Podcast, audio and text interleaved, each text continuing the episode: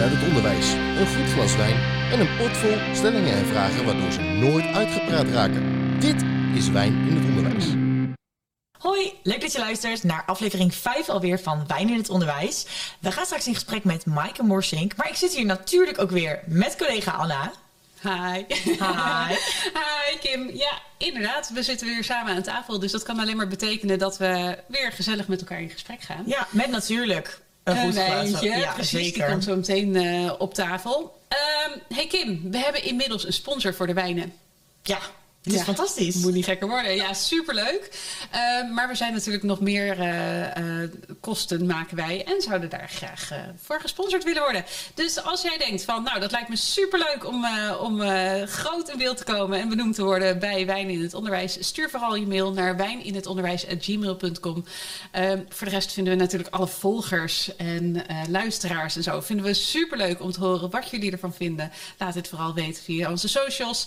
Op, jeetje, wat hebben we allemaal? Facebook en Ja. Insta. Insta. Ehm, en dan eh, zeg ik, volgens mij is het gewoon tijd om eh, met Mike in gesprek te gaan. ja, maar jij? voordat we beginnen, Ja? hadden we toch nog iets beloofd. We moeten Oh, namelijk even de groetjes doen. Aan onze leerlingen van de Marcus uit. Ja, dus bij zeker. deze. De groetjes aan onze leerlingen. Wijn in het Onderwijs. Maaike, welkom. Wat leuk dat je bij ons eh, in de podcast aan wil sluiten. Dankjewel. Ehm, wij kennen jou natuurlijk wel een beetje, maar ehm, ja, we zijn eigenlijk ook heel benieuwd wat je nog meer te vertellen hebt en hoe we jou nog meer kunnen weten en beter kunnen leren kennen. Dus ehm, ja, ik eh, ben eigenlijk wel benieuwd. Wil je jezelf even kort voorstellen? Ja, natuurlijk wil ik dat. Ik ben Mark Morsink, directeur op het Etty Hillesum Lyceum locatie De Marken. Dat is een eh, VMBO-school in Deventer, met ook de HAVO-onderbouw en eh, de vrije schoolleerroute daarin. Ik ben mama van twee hele leuke dochters, vrouw van Gert. En ja, wat moet ik nog meer over mezelf vertellen? Ik ben ooit in het onderwijs gekomen door de PABO. Oh, oké. Ja, kijk. Zelfde route als ik dus. Ja. Hey, Ja. Dus eh, jij kan ook nog directrice worden. Nou, ooit, wie weet. hè? Ja, maar ehm, wat ik zo leuk vind, jij zegt ik, eh, ik ben moeder en eh, hè, je bent een jonge vrouw nog, maar je bent wel directrice bij ons eh, op school. Ja. Ehm, kan je wat vertellen? Want ik weet namelijk toen jij werd aangenomen, toen was je ook nog volop zwanger. Ja, En jonge vrouw eh, in het MT, op een hoge positie. Is dit voor jou voordeel, voordeel geweest of is het een nadeel geweest? Hoe heb jij deze hele sollicitatieprocedure ervaren enzovoort enzovoort? Vertel. Mm, dat is een goede vraag. Ja, nou, ik heb wel eerst gebeld. Eh, ik heb eerst gebeld naar de, naar de eh, voorzitter van de, van de centrale directie. Van, ik zou heel graag willen solliciteren. Maar ik kan niet beginnen 1 april, want dan ga ik met zwangerschapsverlof. Ja. Eh, nou, dat was geen reden om niet te solliciteren. Zij had hij natuurlijk ook niet mogen zeggen dat dat wel een reden was Ja, om niet te solliciteren. Maar ja. ik mocht komen.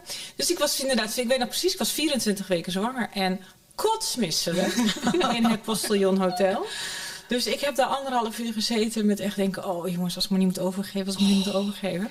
Maar goed, het eh, ging prima. En ik zat daar met eh, eh, acht mannen Ja, nou, in de sollicitatiecommissie. Er was niet één vrouw bij. Jeetje. Dus eh, ja, dus ik, eh, zo zat ik daar. Of dat een voordeel heeft opgeleverd, nou, dat weet ik niet. Ik, eh, ik weet ook niet wie mijn opponenten waren. Natuurlijk Nee, of dat mannen of ja. vrouwen waren. Ja. Maar eh, ja, goed. Ik, eh, ik zat daar en ik heb mijn best gedaan. Ja. Lijkt me En toch intimiderend. Nou, met acht precies. mannen. Nou, en dat is het, weet je. Want waarom zijn het altijd die mannen aan de top? Laten we daarover nadenken, terwijl we eens even een lekker wijntje inschenken. dat vind ik een hele goeie. Ik begin eerst eens even met de wijn. Ja, Begin, ben jij met de wijn? Nee, Ik jij mag begin met de vertellen, wijn. dan ga ik schenken. Mag jij hem eerst even uitspreken? Dan kan ik het niet fout doen. oké. Gaan we. Ik, in mijn beste Frans. ehm Premier le Vieux. Nou, kijk, dat had ik namelijk kwam er toch best soepel uit, hè? Wat- Dit is een rosé uit Frankrijk. Ik heb gekozen voor een rosé, omdat ik dus dacht van, nou, eigenlijk alle vrouwen, de meeste vrouwen, drinken rosé. Dus we gaan vandaag voor de eerste keer met een vrouw om tafel. Ik haal lekker een rosé. Nou vertelt ze net dat ze dus niet van rosé houdt. Of in ieder geval eigenlijk nooit rosé drinkt. Maar dan mag de pret niet drukken, want wij vinden hem wel heel erg lekker, denk ik, hoop ik. Denken we. Ehm, het is een soepele, ehm, fris droge rosé met eh aardbei frambozen smaak. Ehm, en het is 60% Grenache druif en 25% Shiraz druif. Ehm, en het is een biodynamische wijn. Biodynamisch. Ja. En dat vond je ook passen, Anna. Superleuk. Ga je dan ook nog uitleggen wat biodynamisch is? Nou, precies, want dat vond ik zo leuk. Ik heb vandaag weer wat geleerd bij de slijter. Biodynamisch is dus ehm, net een tikje beter nog voor de, voor de, voor de natuur en voor, eh, voor de wereld dan biologisch. Eh, want bij biologisch dan gaat het zeg maar echt om de grond. Dat je dus weinig gifstoffen in je, in je kunstmest en dat soort dingen hebt. Maar bij dia- di- biodynamisch denken ze zelfs dus ook over het transport van de wijn, het verpakken van de wijn, eh, zelfs tot aan de kurken toe. Deze heeft dan toevallig geschroefd op. Maar tot aan de kurken toe ehm, denken ze dus na over eh, nou ja, hoe kunnen we zo milieuvriendelijk mogelijk een wijn maken. Ja. Dus dat eigenlijk biodynamisch. Ik kan er nog veel meer over vertellen. Ik heb me er volledig in verdiept. Maar laten we hem eerst even proeven. Lijkt me een goed plan. Heel benieuwd. Cheers. Cheers. Cheers. Oh, oh, we gaan niet proosten? Oh, wel? Nee, ja, wel toch. Nee. Moet even. Lekker. Het is een van de eerste keren dat ik wijn drink in 2022. Oh.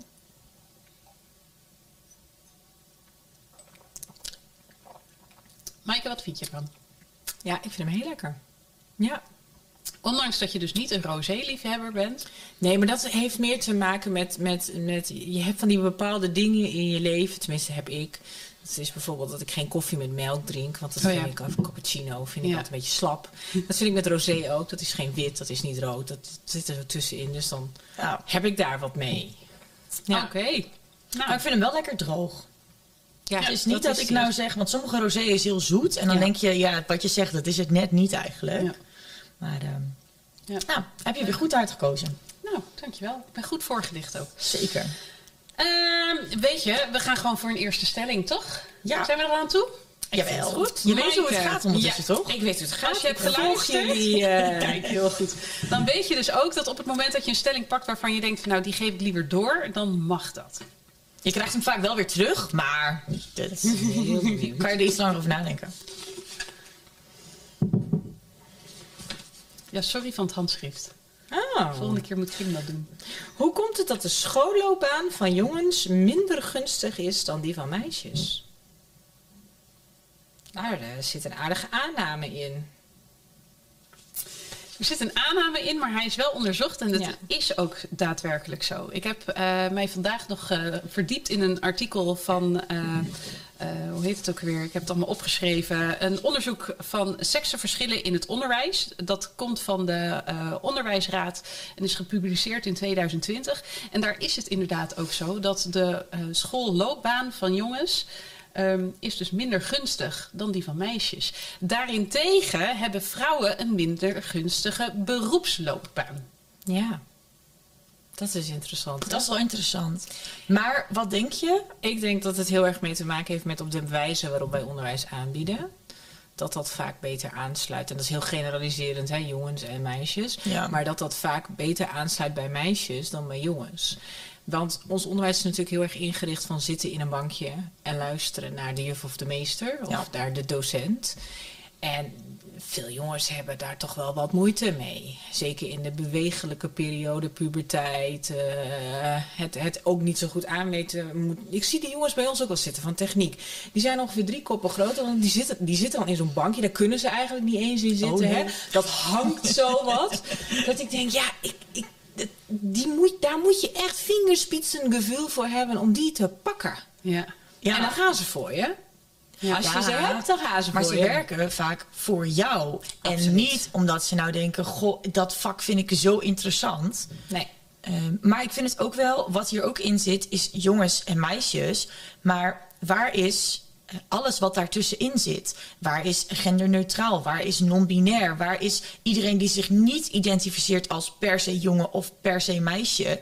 Als je het hebt over dat ons onderwijs op een bepaalde manier is ingericht, vind ik ook dat je denkt: het is totaal niet, tenminste in mijn beleving, niet echt ingericht op ja, voel hoe je je wil voelen en ja, maar het grappige is, want jij begint net ook al, de jongens van techniek. Maar waar zijn dan de meisjes van Ja, techniek? dat zijn er twee. Ja. Ja, Bij ons en school. ik geef biologie. En biologie is een verplicht vak bij zorg en welzijn. Dus drie keer raden wat ik voor klassen heb. Ja, voornamelijk meidenklassen. Alleen maar meiden, inderdaad. Maar weet je, waar komt dat vandaan? Alleen dat stukje al. Want waarom, wie, wie heeft gezegd dat meiden niet net zo goed voor techniek kunnen kiezen en jongens niet zo, net zo goed bij zorg en welzijn uh, aan de slag kunnen? Ja. En dat is denk ik ook iets wat wij als maatschappij gewoon heel erg de leerlingen meteen al in een bepaalde, op een bepaalde plek indelen. Ja. Gewoon omdat het zo is. Als jongen ga je niet de zorg in, misschien per se direct. Of is dat een beeld wat. Ik denk dat jongens nog eerder de zorg in Gaan. beeldvorming. Ja, Ja, jongens Dan zorg in meiden dan in de techniek. techniek. Ja. Ja. Ja, en we moeten ons misschien ook afvragen hoe erg is het? Ja, ja, dat ligt eraan. Op het moment dat jij een jongen hebt die bij techniek ook gewoon helemaal tot zijn recht komt, is dat natuurlijk prima. Maar op het moment dat jij een jongen hebt die bij techniek zit, die eigenlijk andere kwaliteiten heeft, ehm, die dus daardoor minder worden, worden eh, getriggerd, minder worden ehm, Aangeboord. hè, Ja. Precies. Dan is dat natuurlijk wel dat je ook gemiste kansen hebt. Ja. Ja, zeker. Dus ook hier, we hebben het natuurlijk al eerder gehad over kansengelijkheid. Ja. Ehm, en toen hebben we het gehad over arm en rijk en over eh, nou ja, het niveau waar je, waar je ouders vandaan komen. Maar dat is met jonge meisjes natuurlijk net zoiets. ja, en met vrouw en man. Ja, Ja, kansengelijkheid. precies. Ja. Ach, en dat begint toch, laten we heel eerlijk zijn, al bij blauwe muisjes en bij roze muisjes. Eigenlijk. ja, dus dat is toch eigenlijk... Maar toch is dat wel grappig, hè? want ik heb een dochter van twee, Ja. Jinte. En wij hebben haar nooit geleerd van roze is voor meisjes, eh, blauw is voor jongens. Dus Nee. Niet. We hebben haar ook nooit geleerd dat ze alleen maar met poppen mag spelen en niet met auto's. Ze heeft gewoon ook Duplo en treinen en zo. Ja. Dat heeft... Maar daar wordt dus niet mee gespeeld bij ons thuis. Bij ons thuis is het de poppenwagen met ik ben mama en de pop. En, en die wiegt ze dan ook. En dat ziet ze dan mij natuurlijk ook doen met haar Ja. jongere zusje. Maar dat, dat, dat... En haar lief... En mama, mijn lievelings is roze. Ja, Ja. Dus op een of andere manier het zit zit dat er zo toch ook in, hè? verworven in Ja. onze hele maatschappij. Ja. En ik vind ook als je dat als ouder niet, laten we zeggen, opdringt aan je kind. Maar als je het als ouder dus inderdaad wel gaat opdringen en echt heel erg in dat, in dat hokje denkt. Ja, weet je, ik speelde vroeger met mijn, met mijn stiefbroertje met de auto's. Maar hij speelde ook met mij met, met mijn poppenhuis. Weet je wel? Dus, eh, en dat was oké. Ja. Maar ik had ook klasgenoten waar dat niet oké was. En dat vind ik wel, eh, daarbij draag je wel binnen je maatschappij bij aan dat jongens-meisjes verschil. Mhm. En wat jij zegt, eh, net gaf je aan van goh, ons onderwijs is redelijk ingericht op. Ja, ehm, je wordt bijvoorbeeld ook beoordeeld op netheid. Ja. En denk eens aan een verslag. Jongens die een verslag moeten schrijven of meiden die een verslag moeten schrijven. eh, dat is toch best wel. Ja, je, je wordt daarop afgerekend als je dat niet goed kunt. Terwijl, ja, een jongen is misschien veel sneller tevreden. Weet ik niet. Dat, ik ben geen jongen, dus ik zou het niet weten. Maar ik was als meisje vroeger heel erg pietje precies en heel erg bezig met dat alles op de goede regelafstand moest. En ja, ik kan me ook voorstellen dat je, dat je dat als jongen misschien minder hebt. Maar ja, er zullen ook meisjes zijn die dat minder hebben. Ja, en hele toch, groepsdenken. Ja, en ja, toch heb ik leerlingen die zeggen: ja, maar die leerling wordt op een andere manier op beoordeeld dan ik. Of jongens die zeggen: ja, je stuurt me er alleen maar uit omdat ik een jongen ben. Dan denk ik, ja, dat, dat gaat toch iets niet helemaal goed nog. Ja, ik vind dat altijd lastig, want we hebben het altijd heel erg over de groep jongens en de groep meisjes. En de groepsdenken is sowieso denk ik iets waarvoor we altijd heel voorzichtig moeten zijn, zeker Ja. in het onderwijs. Want, Ja. nou ja, wat jij ook zegt, hè, sommige kinderen voelen zich geen jongen of meisje, dat heb je natuurlijk. Maar goed, je hebt ook meisjes die zijn veel jongensachtiger, om het maar zo te noemen, en dan vice versa. Nou, dat, dat, dat, daar moeten we altijd een beetje op oppassen. Maar ik kan mij heel goed voorstellen dat je als... Er zitten gewoon wel kenmerken aan jongens en aan meisjes. Ja. En Ja. ook al willen we dat niet, dat zit er gewoon aan. En op een of andere manier houden we dat ook in stand. Ja, Want als we bijvoorbeeld kijken naar, naar eh, eh, wanneer je vrouw bent, dan ga je vaak minder werken als je kinderen krijgt. Ja. Ehm, als ik kijk naar ons thuis, bij mij wordt er heel vaak gezegd: werk jij nog vijf dagen? Jongen, jongen, poeh, nou. Ja. Gert, mijn man, die heeft een papadag, of hè, die is dan één dag in de week thuis. Nou, echt, die wordt er helemaal ingeprezen dat hij één Ja. dag in de week voor zijn eigen, zijn eigen, hè? Ja. Eigen kinderen zorgt. Hij zorgt veel vaker, maar die Ja. dag Ja. Ja, dus het is dat, dat. En ik denk ook heel eerlijk dat we de slag ook weer een beetje verloren hebben als we het hebben over feminisme. Wat ik trouwens een heel naar woord vind. Maar ehm, als ik kijk naar mijn moeder en de generatie van mijn moeder en iets ouder. Dat was de Dolomina's en de baas in eigen buik. En die gingen weer aan het werk na een hele tijd van eh, trouwen. En je mocht Ja. niet meer werken, kinderen krijgen, dan was je gewoon thuis. ja. Die, die hebben echt een slag gemaakt in waar wij vrouwen voor staan. Maar als ik nu zie, in mijn vriendenkring, ehm, er is geen één vrouw die fulltime werkt. Nee. Nou is dat geen moeten, hè? Absoluut. Nee, dat klopt. Maar dat moet- draagt wel bij aan het punt wat ik net zei. Vrouwen die dus een minder, gunstig, minder gunstige beroepsloopbaan hebben. Ja. Ehm, dat vrouwen inderdaad, eh, want in het begin valt dat nog wel mee, totdat ze dus het eerste kind krijgen. En dan gaan vrouwen minder werken. Dus dan gaat het inderdaad dat ze ook minder snel eh, groeien naar die top toe. Ja. En dan hoor ik wel eens mensen zeggen, die zeggen, ja, maar anders werk ik alleen maar voor de, voor de, voor de crash, hè? voor het geld voor de crash, voor de kinderopvang. Dus ik denk, ja, maar er is ook nog meer. Nou, en je hebt het over ook. een verzamelinkomen, vind ik altijd. Hè? Als je man en vrouw, en je werkt allebei, dan heb je gewoon gezamenlijk inkomen. Ja. En dan is het dus niet dat als jij werkt, dat je werkt voor de opvang. Ja. Nee, dat Nee. doe je samen Ja. en je werkt ook samen voor... Ja. Ja. Daarnaast het argument, ik werk om anders de, de, het kinderdagverblijf te kunnen betalen, dus dan ga ik maar liever niet werken. Mijn werk is ook gewoon een heel groot deel wat mij identificeert, wat mij maakt wie ik ben. Ik, Ja. ben. ik ben ook moeder, maar ik ben ook docent en ik ben ook gewoon Anna. En hè, dat hoort er wel bij. Dus ehm, ook al zou ik alleen maar werken om dan het kinderdagverblijf te kunnen betalen, prima, want het maakt mij wel tot wie ik ben. Ja, Ja. En dat vind ik wel heel erg, heel erg belangrijk. ja. Ja. Interessant, hè? Nou, ik ja, vind het ja, er zijn leuk, leuk er thema. heel veel dingen over zeggen. Daarom, dus, maar we gaan gewoon even door naar een volgende vraag, denk Ja, ik. lijkt me Want een anders goeie. blijven we heel lang hier ophangen. Pak jij hem? Eh, Je kan er niet bij. Ik Jij denk niet dat ik bij de pot kan. Ik wil wel heel oncharmant over tafel gaan hangen. Ehm Wil zouden jij? we kunnen doen natuurlijk. Ja, jij mag ook, Ja. maar dan moet je wel eerst schudden, hè? Goed zo. Ik heb voor jou geschud. Nou, nou, kom maar op. oh, deze is ingezonden door Janiek via Insta. Is er een tekort aan mannelijke docenten? Is er een tekort aan mannelijke docenten? Ik denk dat er sowieso een lerarentekort is, maar dat is geen geheim. Maar ehm, ik denk sowieso dat er een tekort is aan mannelijke docenten of mannelijke rolmodellen op de basisschool. Als ik op, bij mij op de PABO keek, je hebt op de PABO gedaan, hoe ontzettend veel vrouwen je daar hebt op de opleiding. Dat is niet normaal. Ik zat in een jongensklas, dat was wel heel leuk. Oh, ja, ik, ja? zat in een, Op de ik, zat in een, ik zat in een iPad-klas. Dus ik had ook toevallig, de helft bij ons was jongen. Maar dat was omdat wij een iPad-klas waren. En dat was natuurlijk best wel interessant. Maar ehm, ik weet niet, de man-vrouw verhouding, volgens mij is die ongeveer 50-50 in het voortgezet onderwijs. Dat denk ik ook. Bij ons denk ik ook. eh, op Ja. school. eh, In het management niet, hè? Nee.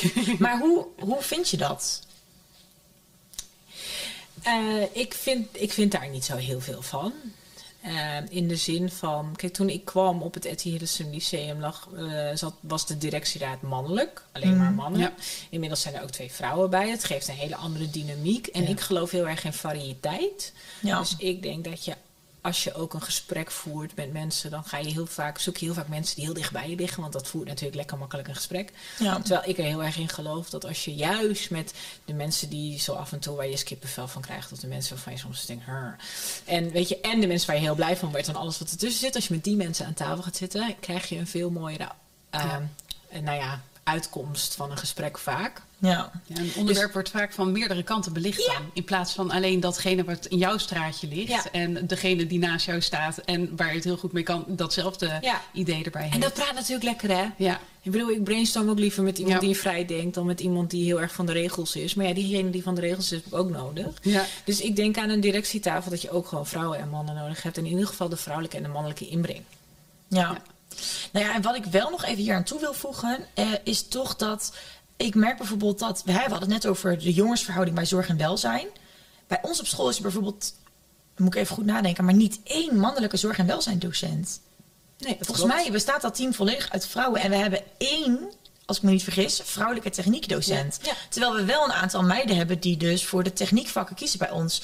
En daarin denk ik wel dat er een tekort is. Als Ja. we dat toch iets meer in balans zouden krijgen. En jij bent natuurlijk ook eh, van vroeger uit techniekdocent. Ja. Maar In een mannenklas. in een mannenklas, ja. Maar dan de denk ik. Vrouw. En ik zie dat inderdaad ook, want ik zit dan in een techniekteam. Ik geef daar Nederlands. Dus ik heb alleen maar jongensklassen. En dat doet toch wat Met de dynamiek. met de dynamiek, maar ook tussen jou als vrouw. Ik moet bijvoorbeeld eh, voor mijn allereerste mentorklas hier op school, ik moest vier keer harder werken voor een beetje respect van die klas dan mijn mannelijke collega. Ja, heb je En- dat zo gevoeld? Ja, maar dat was ook zo. Dat spraken ze ook uit. Na vier maanden zei een van mijn mentorleerlingen: Oh, mevrouw, u gaat echt niet weg, hè? Zei ik nee. Oké, nou dan moeten we het maar met u en met meneer Jonkind doen. Ja, dat was dan destijds mijn co-mentor. Maar ja, dat was een ja, gezellige Amsterdammer die, die toch man was en techniek gaf. En mijn leerlingen keken echt wel naar hem op. En bij mij hadden ze zoiets van, nou ja, jou krijgen we er cadeau bij, maar liever, liever zonder dan met. En uiteindelijk heb ik een hele goede band opgebouwd. Maar hij had dat met drie uur voor elkaar en ik heb daar drie maanden voor moeten werken. Ja. Dat was wel, eh, ik vond dat heel confronterend eigenlijk, ja. hoe dat zat. Ja. Ja, respect in het onderwijs is natuurlijk sowieso eh, Een thema. met klassen Ja. is dat eh, sowieso een thema. Ja, Ja. zeker. Ja. Ja. Hé, hey, maar respect. Weet je waar ik dan wel benieuwd naar ben, Anna? hoe dat vroeger was en hoe dat nu is. Ja. Misschien moeten we het daar ook een keer over hebben. Ja, nou, weet je, ik heb een heel leuk artikel ge- gevonden. Wat ehm, eigenlijk een beetje tussen de twee thema's eh, vroeger en nu. Voor de volgende en aflevering. Voor de volgende aflevering. En man versus vrouw zit. Ehm, ik heb een, ehm, een artikel gevonden. En dat artikel heet Zo word ik een goede echtgenote. Oh, ik denk, dit hebben wij laatst in ons personeelskamer al besproken, hè? precies. Oh, Dat is een uitreksel uit een katholieke schoolboek eh, van de afdeling. Ik heb het opgeschreven hoor. Handels. eh, nee, voor de afdeling huishoudkunde voor meisjes uit 1960. Ik lees even een klein stukje voor. Wanneer hij klaar is met eten, ruim de tafel af en doe vlug de afwas. Als je man vraagt om jou te helpen, wijs dan zijn voorstel af, want hij zou zich verplicht kunnen voelen om het steeds weer te doen. En na een zware dagtaak heeft hij geen nood aan extra werk. Zet hem aan. Zet hem aan om zich aan zijn favoriete bezigheden te wijden. Toon je interesse hiervoor zonder het gevoel te geven dat je op gelijke voet op, eh, komt op zijn gebied. Als je zelf kleine bezigheden hebt, doe ze zonder praten en storen, want zijn inter, interessepunten zijn meestal belangrijker dan die van de vrouw. En zo Stop gaat maar, het nog stop even maar. door. Het gaat zelfs tot ehm, wat je moet doen op het moment als je man voorstelt te paren. Mijn man heeft het heel zwaar, denk ik. Als ik dit lees. Ja, ja. maar, maar wat, wat, eh, wat doet dit met jou als je dit eh, hoort? Ja, ik moet er eigenlijk altijd alleen maar om lachen. Ehm, maar ik denk dat daar echt nog steeds een wel een kern van waarheid in zit. Kijk, niet in de zin van dat, dat, dat we nu alleen nog maar leven in de tijd dat de vrouw de afwas doet en de man die gaat vervolgens met zijn sloffen aan en zijn jegermeister op de bank zitten. Maar als ik kijk naar de mentale lood, zeg maar, binnen ons gezin. En nou heb ik echt een, een, een fantastische vent die ontzettend veel doet. Maar de mentale last ligt wel vaak bij mij. Ja. Ja. In de zin van, oh, eh, eh, eh, de kinderen moeten nog naar de kapper. Ja, moeten- oh, de, de luiers zijn bijna op. hè, dat soort dingen. Dat ligt toch wel vaak ja, bij mij. ja. Dus En het is dan ook wel leuk, want dan gaat het... Oh, Gert, Jinte moet naar de kapper. Ja, ik zal even bellen, maak een afspraak. Hm, hm. Dan doe ik zeg maar het hele voortraject. Gert gaat met Jinte naar de kapper. En dan is het, oh wat goed hè. Hij gaat met haar naar de kapper. nou, dat is toch wel tof hè. Ja, precies. Oké, en bedankt. Ja. Dus ik denk, ja, we kunnen er heel veel over zeggen, mannen versus vrouwen. Maar we hebben ook nog wel een slag te doen. Ja, dat denk ik ook. Ja. Nou. Nou, ik vind het een hele mooie afsluiting. Ik ook. Mag ik jou bedanken voor dit eh, openhartige gesprek hier aan bij ons aan tafel. Heel leuk om hier eh, te zijn. Nou, hartstikke fijn. We hebben natuurlijk ook wat voor je. De enige echte wijn in het onderwijsmok als bedankje. Shine ermee door de school. Ik, want eh, beide scholen. iedereen, ja, Ja, ja, precies, iedereen zal er stik jaloers op zijn. en eh, nou ja, dus nogmaals, dankjewel. En eh, wij gaan volgende aflevering dus verder met onderwijs vroeger en nu. Ja, ik Wat ben zou er veranderd zijn in de loop van de, in de afgelopen Ja. En wat is er verdwenen wat eigenlijk had moeten blijven? Daar ben ik ook wel benieuwd naar. ook, ook zo één. Ja, Ja. heel goed. Ja. Maaike, bedankt. Graag gedaan, leuk om hier te zijn. Ja. En tot de volgende keer. Tot de volgende keer. Wijn in het onderwijs.